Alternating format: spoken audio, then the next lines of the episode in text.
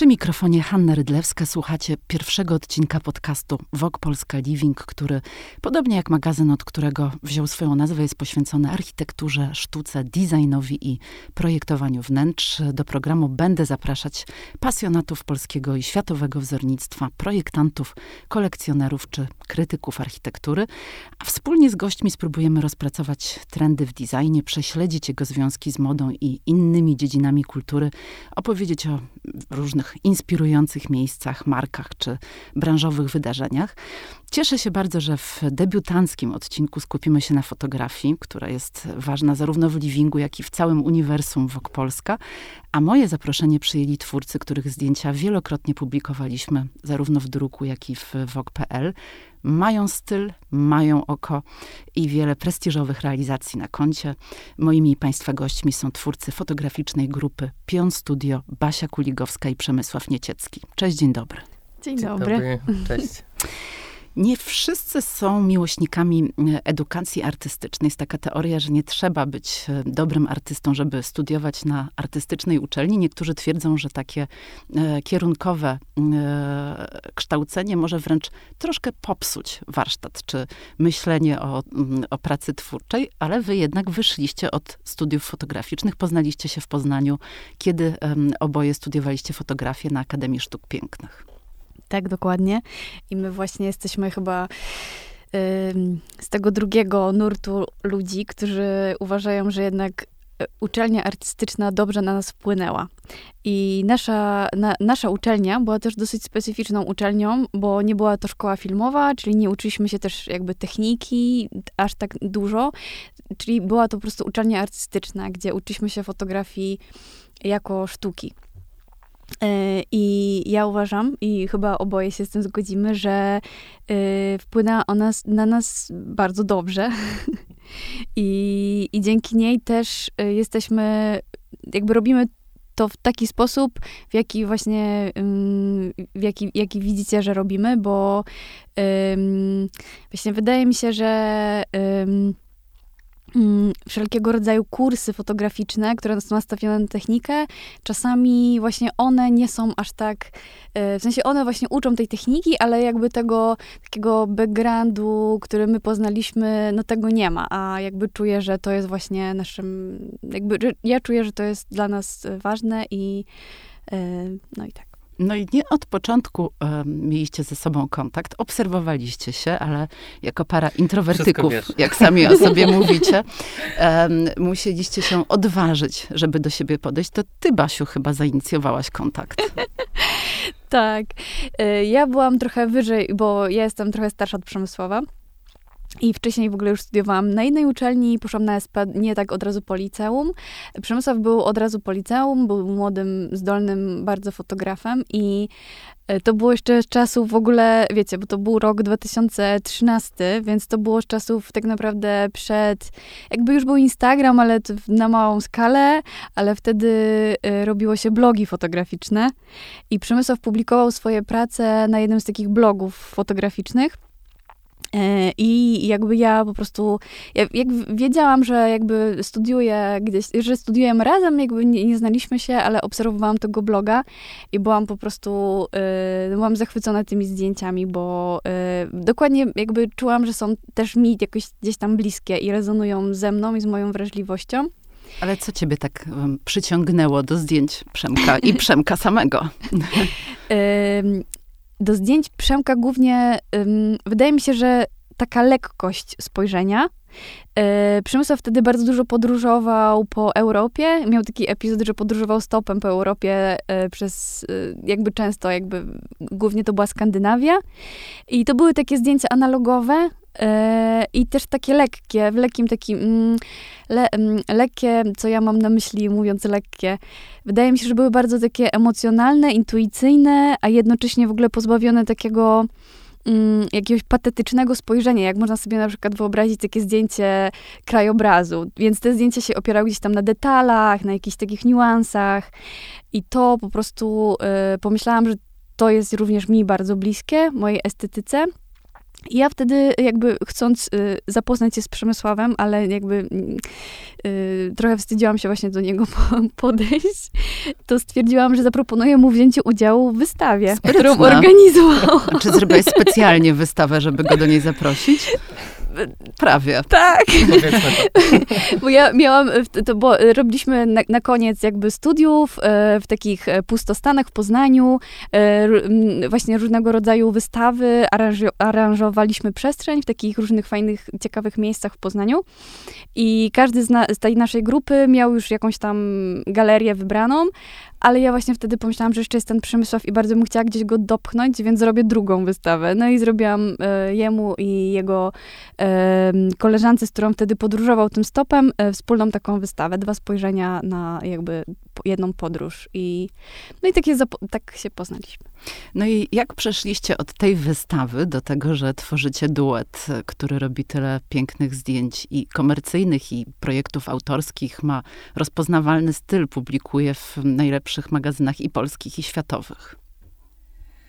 E, właściwie to było takie bardzo e, organiczne dla nas, że te wystawy i nasze plany, żeby mieć wspólnie galerię sztuki, e, były takim trochę studenckim marzeniem i w pewnym momencie tak przewartościowaliśmy to, że mm, może potrzebujemy takiej szybszej gratyfikacji tego, co robimy. I wtedy się pojawił pomysł, że mm, nie wiem, może zaczniemy robić fotografię edytorialową i pracowaliśmy dla kilku magazynów, ale tak coraz bardziej nas e, ciągnęło w takim kierunku. Ale od początku to były wnętrza, nie moda. Nie, nie to jeszcze były wcześniej. portrety. Nie, tak. Pracowaliśmy na przykład dla magazynu Usta.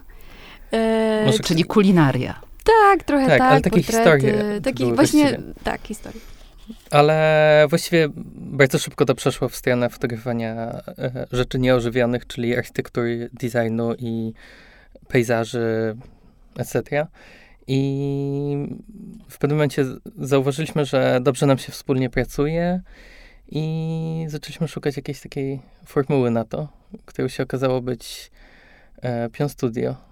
I Basia to wymyśliła tą nazwę i to logo, siedząc kiedyś w fotelu i po prostu to tak kliknęło i właściwie jesteśmy dzisiaj tutaj.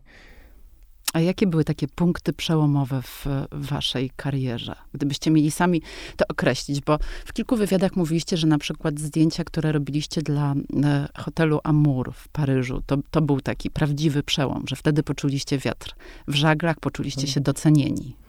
No, ja myślę, że w ogóle dla nas e, współpraca dla klientów z Francji była takim czymś nowym, w, e, w czymś, w czym na początku tak chwilowo się nie mogliśmy odnaleźć, bo mm, te osoby i ci, ci klienci wręcz wymagali od nas takiego bardzo autorskiego podejścia i tak jakby popchnęli nas w tym kierunku, co było początkowo stresujące, a później się okazało być nie wiem, no, zbawienne dla nas właściwie, bo mogliśmy robić właśnie zdjęcia analogowe, e, zdjęcia detali bardziej, bardziej takie przepełnione emocjami i to było to, czego oni od nas oczekiwali właściwie. A widzieliście różnicę pomiędzy sposobem pracy w Polsce i na świecie? Mm, Tak. Wydaje mi się, że gdzieś tam widzieliśmy i właśnie to było to trochę, o czym mówi Przemysław, że znaczy wtedy tak dosyć wyraźnie to poczuliśmy, jak właśnie zaczęliśmy pracować dla tych klientów, na przykład z hoteli Amour, o których wspominałaś. Bo to jest Paryż i Nicea Tak, to jest. Paryż i Nicea. E, I to w ogóle jest taka trochę zabawna historia, bo po prostu e, byliśmy bardzo, bardzo w szoku e, naprawdę, że oni do nas napisali, bo oni nas znaleźli po prostu na Instagramie i, i jeszcze to jakby, i to jest jak hotel i ludzie, którzy, którzy są dla nas jakby ogromną taką inspiracją i więc byliśmy naprawdę bardzo w szoku wtedy. No, hotel Amour E, paryski to chyba jest, nie wiem czy nadal, ale był jeden z ulubionych hoteli Kate Moss na przykład. Tak. Tam rzeczywiście podczas tygodni mody zatrzymują się Mhm. wszystkie top modelki. tak, Każdy się, pokój jest wypełniony e, innymi dziełami sztuki. To jest taka mała galeria. Dokładnie i dzieją się tam czasami rzeczy, które powinny zostać tylko za zamkniętymi drzwiami w tych, w tych hotelach. To jest ekstra. Właściciele są... E, jeden z właścicieli jest e, znanym artystą e, graffiti, to jest Andrea Sarajeva i bardzo dużo mm, przestrzeni hotelu jest e, udekorowanych przez niego, jego sztuką, jego graffiti, ale też na przykład jego zdjęciami w windzie jest e, świetne zdjęcie, jak całuje się z Leo Seydoux. I właściwie cały hotel jest taki przepełniony taką e, legendą, legendami no, hoteli macie na koncie więcej, bo tu są zdjęcia dla całej sieci Nobu i w Warszawie, i w Barcelonie, i na Santorini, ale jest też na przykład hotel, który mam na swojej liście marzeń, jeśli chodzi o wyjazdy, czyli Le, Le Roche Rouge. Mhm. To też jest nasz ukochany hotel. Przynajmniej e, umieram, patrząc mm. na zdjęcia tego hotelu na, na Instagramie i w waszym portfolio. Bardzo polecamy ci tam pojechać, e, będziesz kiedyś miała e, ochotę. E, jeszcze jakby chciałam wrócić tylko do, do tego wcześniejszego pytania, może jak, czy jak jest ta różnica między klientami zagranicznymi i w Polsce? I tak właśnie nam się trochę wydawało, że, że rzeczywiście tak, bo mamy dużo, mm, jakby czuliśmy, że mamy dużo większą swobodę właśnie twórczą w tych pracach.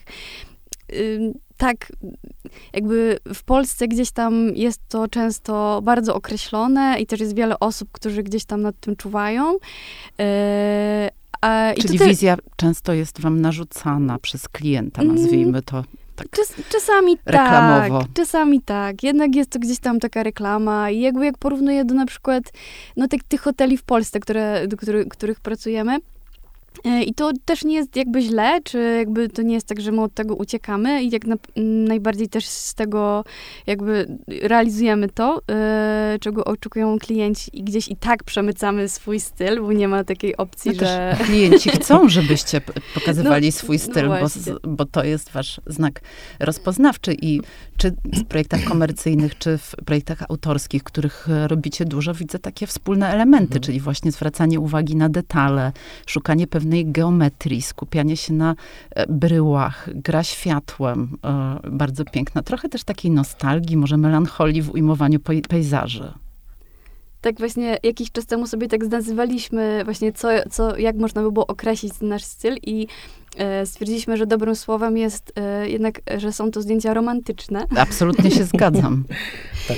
e, I to jest właśnie coś, co szukaliśmy zawsze, czego szukaliśmy w fotografii właśnie wnętrz, fotografii przedmiotów, designu i czego gdzieś tam nam brakowało. E, może mm, wcześniej bo po prostu jak my zaczynaliśmy w tym 2014 roku, to właśnie Instagram dopiero się rozkręcał i dopiero tego typu zdjęcia e, zaczęły się gdzieś tam też pojawiać. I to w ogóle wszystko tak ruszało, w Polsce mówię, e, ruszało. I, mm, i architekci właśnie wtedy wnętrz potrzebowali też dokumentacji swoich projektów, ale e, no my jakby jakby trochę może nawet z takiej naszej, na początku nam się wydawało, że to jest taki trochę naszego ograniczenia, że nie będziemy, no właśnie nie nie, nie zrobimy świetnego, może technicznie zdjęcia, poszliśmy w tą stronę emocjonalną, a potem jakby to się jakby przeobraziło w to, że to jest teraz naszym atutem.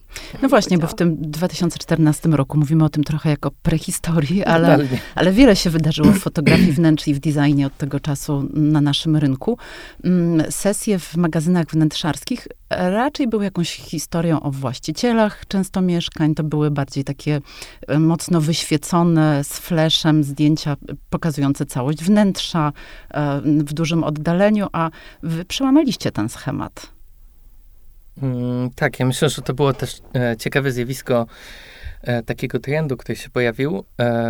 Kiedy pojawiał się Instagram, to właściwie pozwolę sobie na taki skrót myślowy, że to dzieje się tak samo teraz e, z TikTokiem i z wideo. To jest też taka zmiana, której trochę wszyscy się obawiają, ale. No ja na pewno. Ona nie chcę być dziadersem, ale chyba już czas ale... się zmierzyć z TikTokiem. Totalnie. Ja myślę, że w przyszłym roku to będzie to. Będzie to. Zastąpi on Instagram pewnie. Będziecie robić challenge? Taneczne? E, absolutnie nie, ale będziemy robić piękne wideo w pionowym formacie, co już nam klienci zlecają, a na przyszły rok właściwie to jest duża część naszej pracy. Ale chciałem wrócić do tego początku Instagrama, bo to też był, było coś podobnego, że wszyscy się tak obawiali tego, że to jest kolejna platforma dla nastolatków.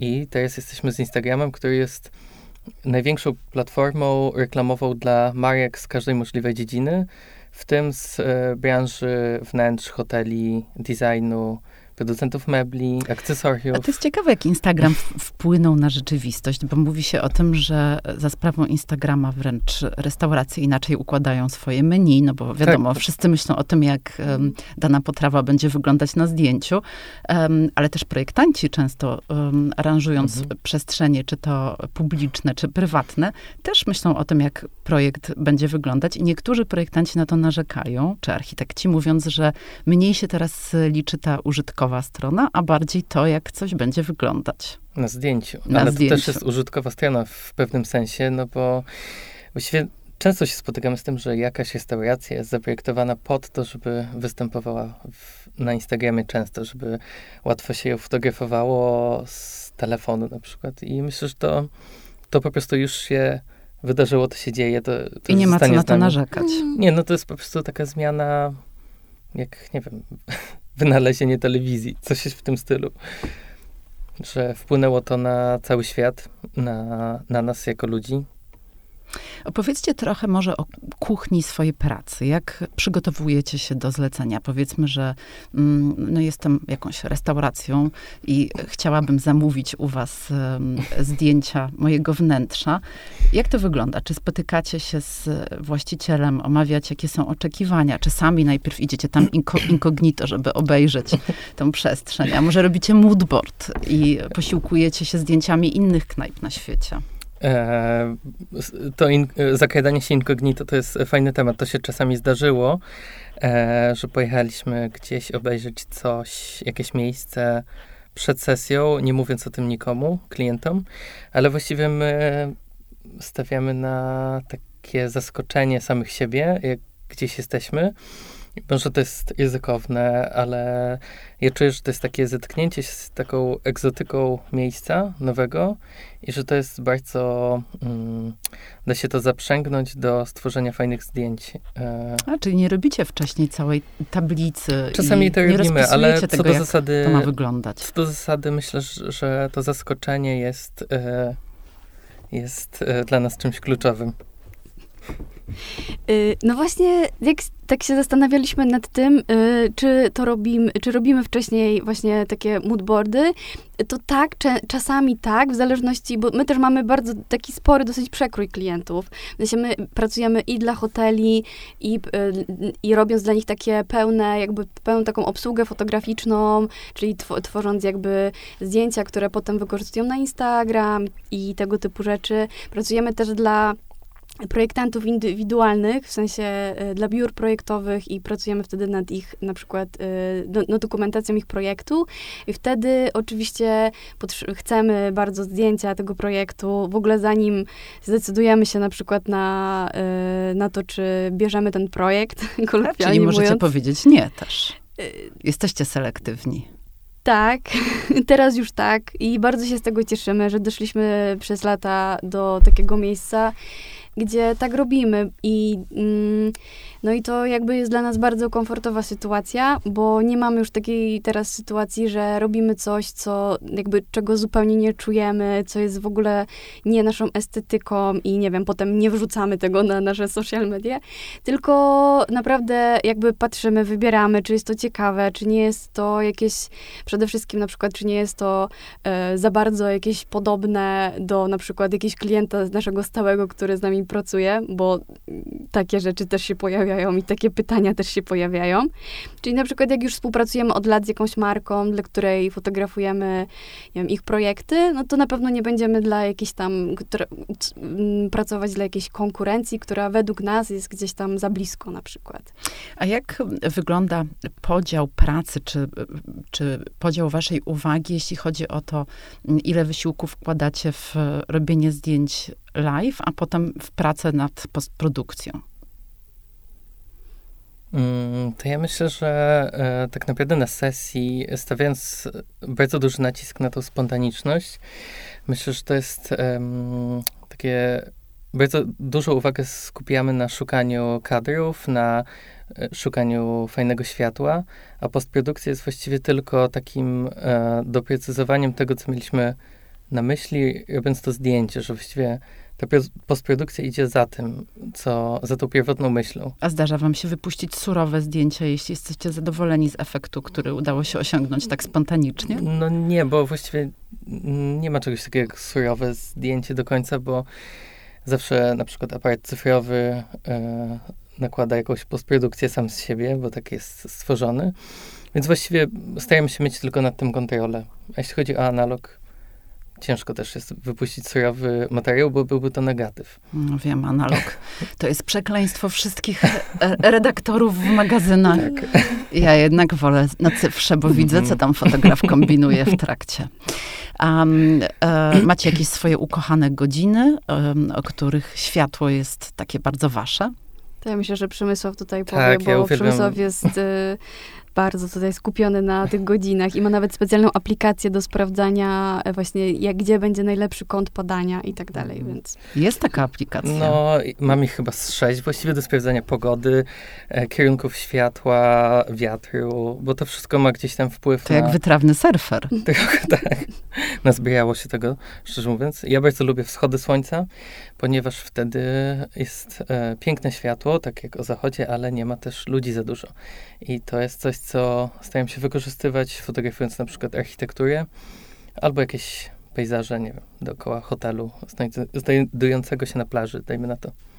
A zdarzało wam się przeganiać e, ludzi z tak. jakiegoś miejsca, żeby kadr wyglądał lepiej? tak. Tak, ale zawsze prosimy osobę z hotelu odpowiedzialną za marketing, na przykład, żeby trochę nam w tym pomogła. Żeby to ta tak. osoba była złym policjantem, Dokładnie. a nie wy. Tak, najczęściej to się udaje. A jak wygląda podział ról w waszym duecie?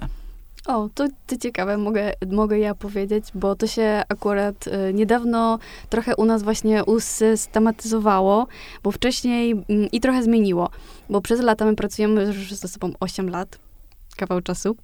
I przez lata y, bardzo tak y, czuliśmy, że najlepszą opcją pracy w duecie jest to, że każdy z nas będzie robił dokładnie to samo, czyli dokładnie jakby zawsze y, jechaliśmy razem na sesję, później razem siedzieliśmy po, przy selekcji zdjęć, przy obróbce, razem na każdy mail odpisywaliśmy, konsultując ze sobą wszystko, wszystko, wszystko.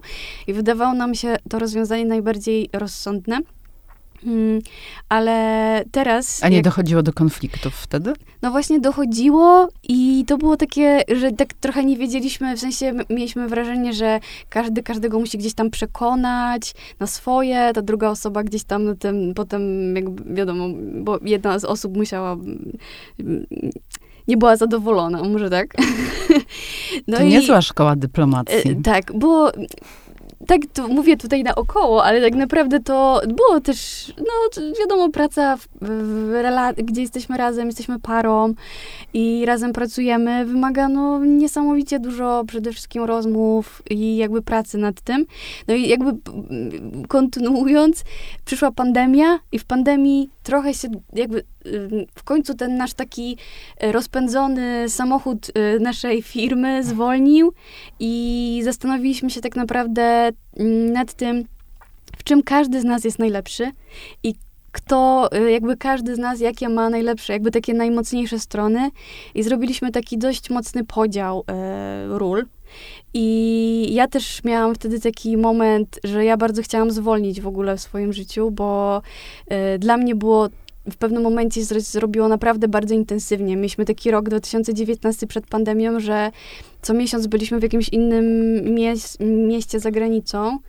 I... Pewnie nasi słuchacze teraz myślą, o, narzekają tak, na właśnie. luksusowe wyprawy na Santorini. Ja wiem, jak to brzmi i, i tak bardzo się cieszę oczywiście, że, że, mamy taką możliwość, ale no jakby moja też taka strona, że ja po prostu bardzo też chciałam po prostu sobie, po prostu też być w domu i mieć taki swój rytm najzwyczajniej na świecie po prostu, że, że czułam, że gdzieś tam może to nie jest do końca, nie jest takie dla mnie. Przemysław na przykład się w tym świetnie odnajdywał, bo ma trochę właśnie inny charakter, takiego... Nomadyczny. Tak, i się, dokładnie. A, no i ja właśnie czułam, że muszę trochę zwolnić i tak też zrobiłam. I teraz na przykład jest tak, że e, na nie, nie, wszystkie sesje jeżdżę z Przemysławem. To jest też to jest tak, że Przemysław jest takim naszym głównym fotografem, który jakby jeździ zawsze na sesje. Ja jeżdżę tylko na wybrane, ale za to dużo więcej zajmuję się naszymi social mediami, e, właśnie postprodukcją, ale w takim, takim, taką wcześniejszą postprodukcją, czyli selekcją zdjęć, bo to jest jeszcze jakby taki etap przed samym retuszem. To jest oczywiście selekcja zdjęć i, i tego typu rzeczy. Mm, I tak jest nam o wiele, wiele lepiej. Przemku, tak. potwierdzasz? Tak, tak, ja to potwierdzam. Myślę, że to było takie szokujące dla nas samych, że tak się trochę w tym rozdzieliliśmy, ale bardzo szybko się okazało, że to nie jest żaden dramat, tylko nam obydwojgu to świetnie leży. I ja mogę się teraz spełniać w podróżach dużo bardziej niż mogłem to robić wcześniej na przykład. A jakie podróże was uruchamiają? Bo jesteście chyba dosyć uparci, jeśli chodzi o dobór miejsc i lubicie wracać ciągle w te same miejsca, jeśli rzeczywiście czujecie, że są wasze. Jesteście tuż przed swoim prywatnym wyjazdem i znów Francja. Tak, myślę, że południe Francji to jest e, prawie, że nasz dom. E, bardzo często wraca temat e, czy się tam jednak nie wyprowadzimy, albo na przykład na pół roku, albo na zawsze dużo o tym rozmawiamy. Um, myślę, że te, te miejsca, które są takie sprawdzone dla nas i które gdzieś tam nas, nie wiem, u, jakoś nas poruszyły, no to właśnie um, ten powrót do nich jest taką strefą komfortu, którą czasami warto mieć też w życiu, bo właściwie nasza praca polega na ciągłym konfrontowaniu się z czymś nowym. I to jest na dłuższą metę trochę ciężkim wyzwaniem. Ale patrząc na listę tych miejsc, to raczej chyba jest Europa, bo tu widzę Lizbona, mhm. Barcelona, Grecja, Francja, południe Francji, um, Niderlandy. Raczej poza Europę rzadko robicie znaczy, wypady. E, z tych miejsc, które wymieniłaś, po prostu mamy tam klientów i pracujemy tam.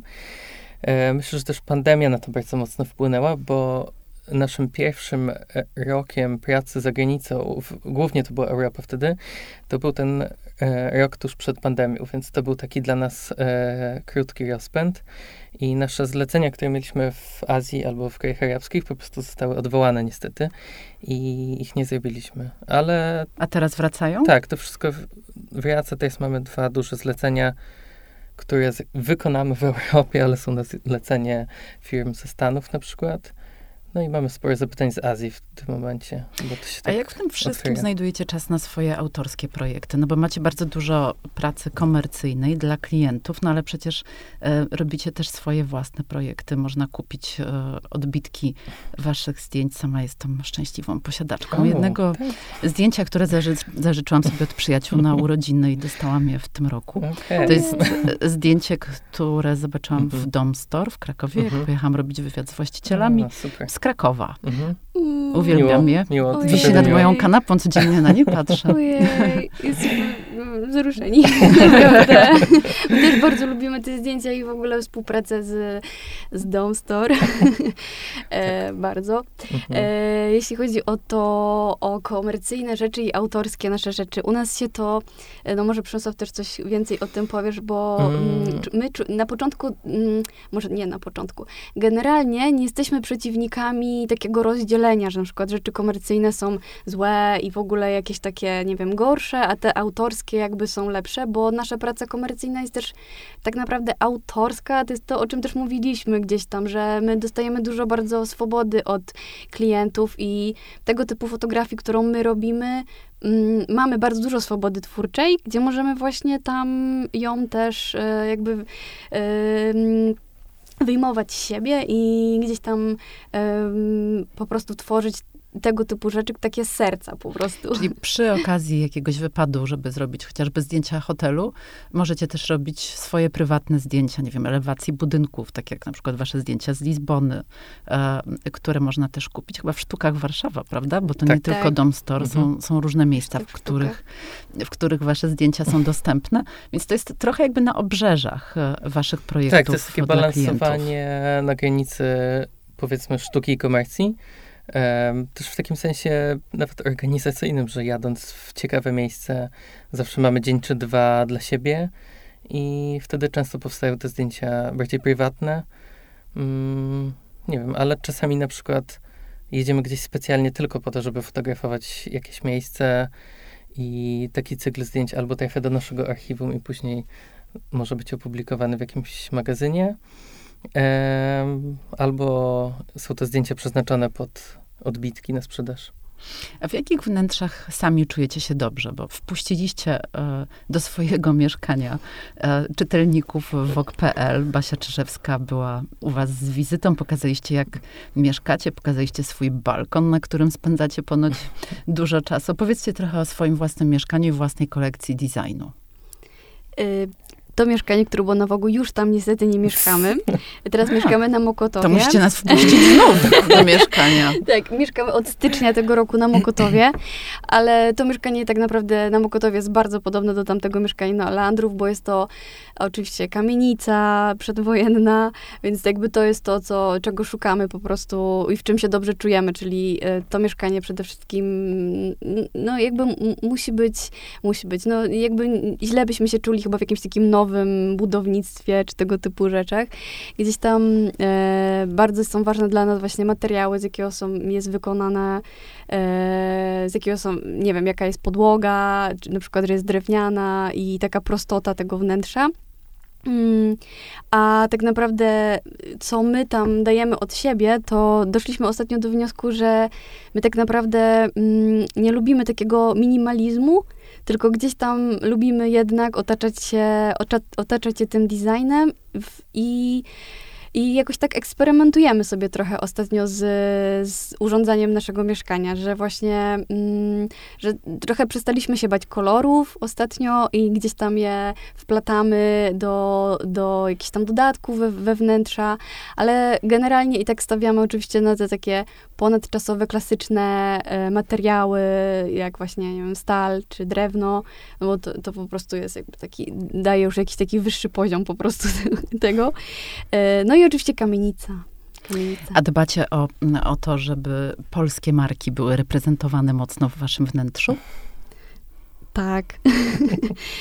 Bar mi bardzo na przykład na tym zależy i no my mamy takie szczęście, że współpracujemy ze świetnymi po prostu designerami polskimi e, i ja na przykład jak jesteśmy na sesji u, e, u, takiej firmy Numa, z którą pracujemy z Poznania, no to ja na przykład zawsze po sesji z czymś przyjeżdżam, bo jakby zawsze mają coś nowego i po prostu mam tak, że ojej, musimy to mieć. Mm, no, ale też na przykład... Rzuć y, trochę więcej na, nazw marek. Tak. Y, no na przykład y, ba, ba, bardzo uwielbiamy to, co robi Agnieszka Owsiany. Też e, jakby prywatnie nasza przyjaciółka, ale którą, z którą przyjaźń zaczęła się od współpracy. I po prostu jej obiekty, tkaniny, no to jest jakby coś, co jakby, jakby nie wyobrażamy sobie powiesić chyba na, nie wiem, na ścianie czegoś takiego trochę przypadkowego, z czym nie mamy gdzieś tam związku, więc to, co ona robi jest nam nam no, niesamowicie bliskie, więc oczywiście mamy to. E, no i Piotr Paradowski Studio, kolejni nasi przyjaciele, z którymi również się zaczęło od współpracy mm, zawodowej. Mm, który, którzy zaprojektowali dla nas regał, który po prostu no, uwielbiamy, jest unikatowy, jest tylko Czyli jakby pojechał z wami na Mokotów. Tak. Nie tak, porzuciliście pojechał, go. oczywiście, to wiadomo, że pojechał. A polska ceramika, bo to jest e, temat, e, myślę, wyjątkowo gorący i widać, że jest duży boom na różne marki, które się ceramiką zajmują. My kochamy Fenka, taką ceramikę, z którą też e, współpracowaliśmy i bardzo ich lubimy i, i też stawiamy na ceramikę, chociaż ostatnio mamy, e, jakoś więcej kupujemy e, włoskiej ceramiki akurat. Mm. I w, po prostu dom, store i miejsce tutaj wypromowane przez Zuzę i Piotra. Uwielbiamy jakby ich selekcję, jakby znasz, więc pewnie wiesz, więc gdzieś tam ostatnio mamy po prostu bardzo lubimy rzeczy.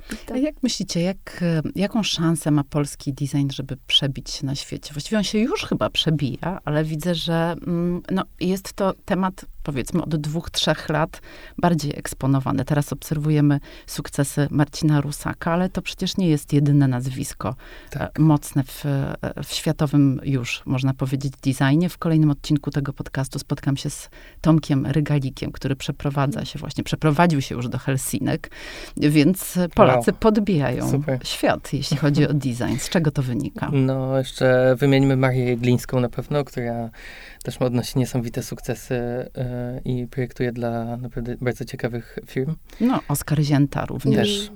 No.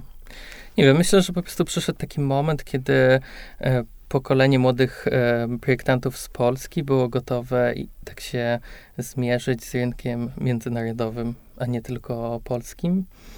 I myślę, że w tym też e, bardzo pomógł internet i Instagram. Wymieniamy go kolejny raz, ale Ale to dobrze, może trochę odczarowywujemy ten Tak. Instagram, bo zawsze wszyscy wieszają psy i koty, ja myślę, nie że, obrażając psów i kotów na mediach społecznościowych. myślę, że dla wielu kreatywnych osób, czy jakichś osób, które coś tworzą, to jest właśnie taka furtka do trochę przebicia takiego, nie wiem, może szklanego sufitu, który gdzieś tam był na takiej granicy oddzielającej jednak tą Polskę, która jest takim krajem może kojarzącym się z obrzeżami Europy e, i dzięki właśnie takim platformom jak Instagram czy portalom internetowym piszącym o designie, myślę, że ci projektanci mogą się bardziej przebić.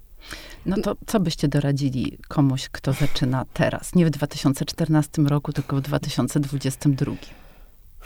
Zacząć właśnie od Instagrama, potraktować to jako swoje portfolio, tam pokazywać swoje prace? Myślę, że na pewno teraz jest trochę trudniej jednak, bo już jest bardzo, mm, po prostu jest bardzo dużo. No jakby jest zapotrzebowanie na fotografów, oczywiście bardzo nadal, e, bo jest też o wiele więcej jakby właśnie e, architektów i projek- m, jakby ludzi, którzy się zajmują projektowaniem i którzy potrzebują współpracować z fotografami. Mm, Ale wydaje mi się, teraz nie chciałabym być w tym miejscu, bo wydaje mi się, że jest trochę trudniej się przebić. Nie wiem, co ty sądzisz, Przemysław? Tak, ja myślę, że mm, początkowo, kiedy my zaczynaliśmy, to Instagram promował kreatorów, a teraz jest trochę tak, że Instagram promuje bardziej Mhm, wiemy co. inne osoby. Mhm. Tak, i to też jest może, ale ja, ja czuję, że my na pewno nie baliśmy się właśnie takich jakby nowości, Mhm. powiedzmy, jakby nie, nie, nie szliśmy do tego tak, że nie możemy gdzieś tam wejść i jak się pojawił ten TikTok, no to na początku mieliśmy coś takiego, o nie, TikTok, w sensie co to jest i w sensie jakoś nie leżało nam to, ale spokojnie jakby podeszliśmy do tego, że... ym, Zobaczyliśmy też dobre strony tego TikToka, że te algorytmy gdzieś tam, jeśli się wejdzie w dobre rzeczy, podpowiadają też bardzo inspirujące y, treści. I można też tam być ze swoją estetyką i, i ja myślę, że taka porada, powiedzmy ode mnie, to właśnie nie bać się jakby wchodzić w takie różne nowe rzeczy, no bo po prostu ja czuję, że jakoś chyba nie uciekniemy od tego, tak czuję, że gdzieś tam to jest, że możemy gdzieś tam z tym walczyć, chociaż też naprawdę jakby uwielbiam to w Instagramie, że jest po prostu taki zdjęciowy i że teraz te rolki są, to, to, to nie jest jakieś przyjemne, ale gdzieś tam, że po prostu no aż tak bardzo może się na to nie obrażać. A można się do was zgłosić na staż? To jest ciężkie pytanie, wiesz co, bo tak naprawdę my bardzo lubimy pracować tylko we dwoje. A, Czasami z nami pracuje jeszcze. Krzysztof, nasz asystent. Em, I Ela, nasza retuszerka Tak. wspaniała. mhm, ale, ale Czyli pracuje... nie, no powiedzcie, No, że że- nie, po prostu. Wiesz co, nie wiem, no nie chciałbym powiedzieć nie, no bo nie można być takim zamkniętym na ciekawe propozycje, ale ja nie wiem, nie wymyśliliśmy tego jeszcze, jakbyśmy to mogli zorganizować, tak naprawdę. No dobrze, to jak wymyślicie, to, to dam znać czytelnikom Tak, myślę, że nasza- Polska nasza- Living, obiecuję. Nasza praca bardzo wymaga naszego osobistego udziału w dużej mierze.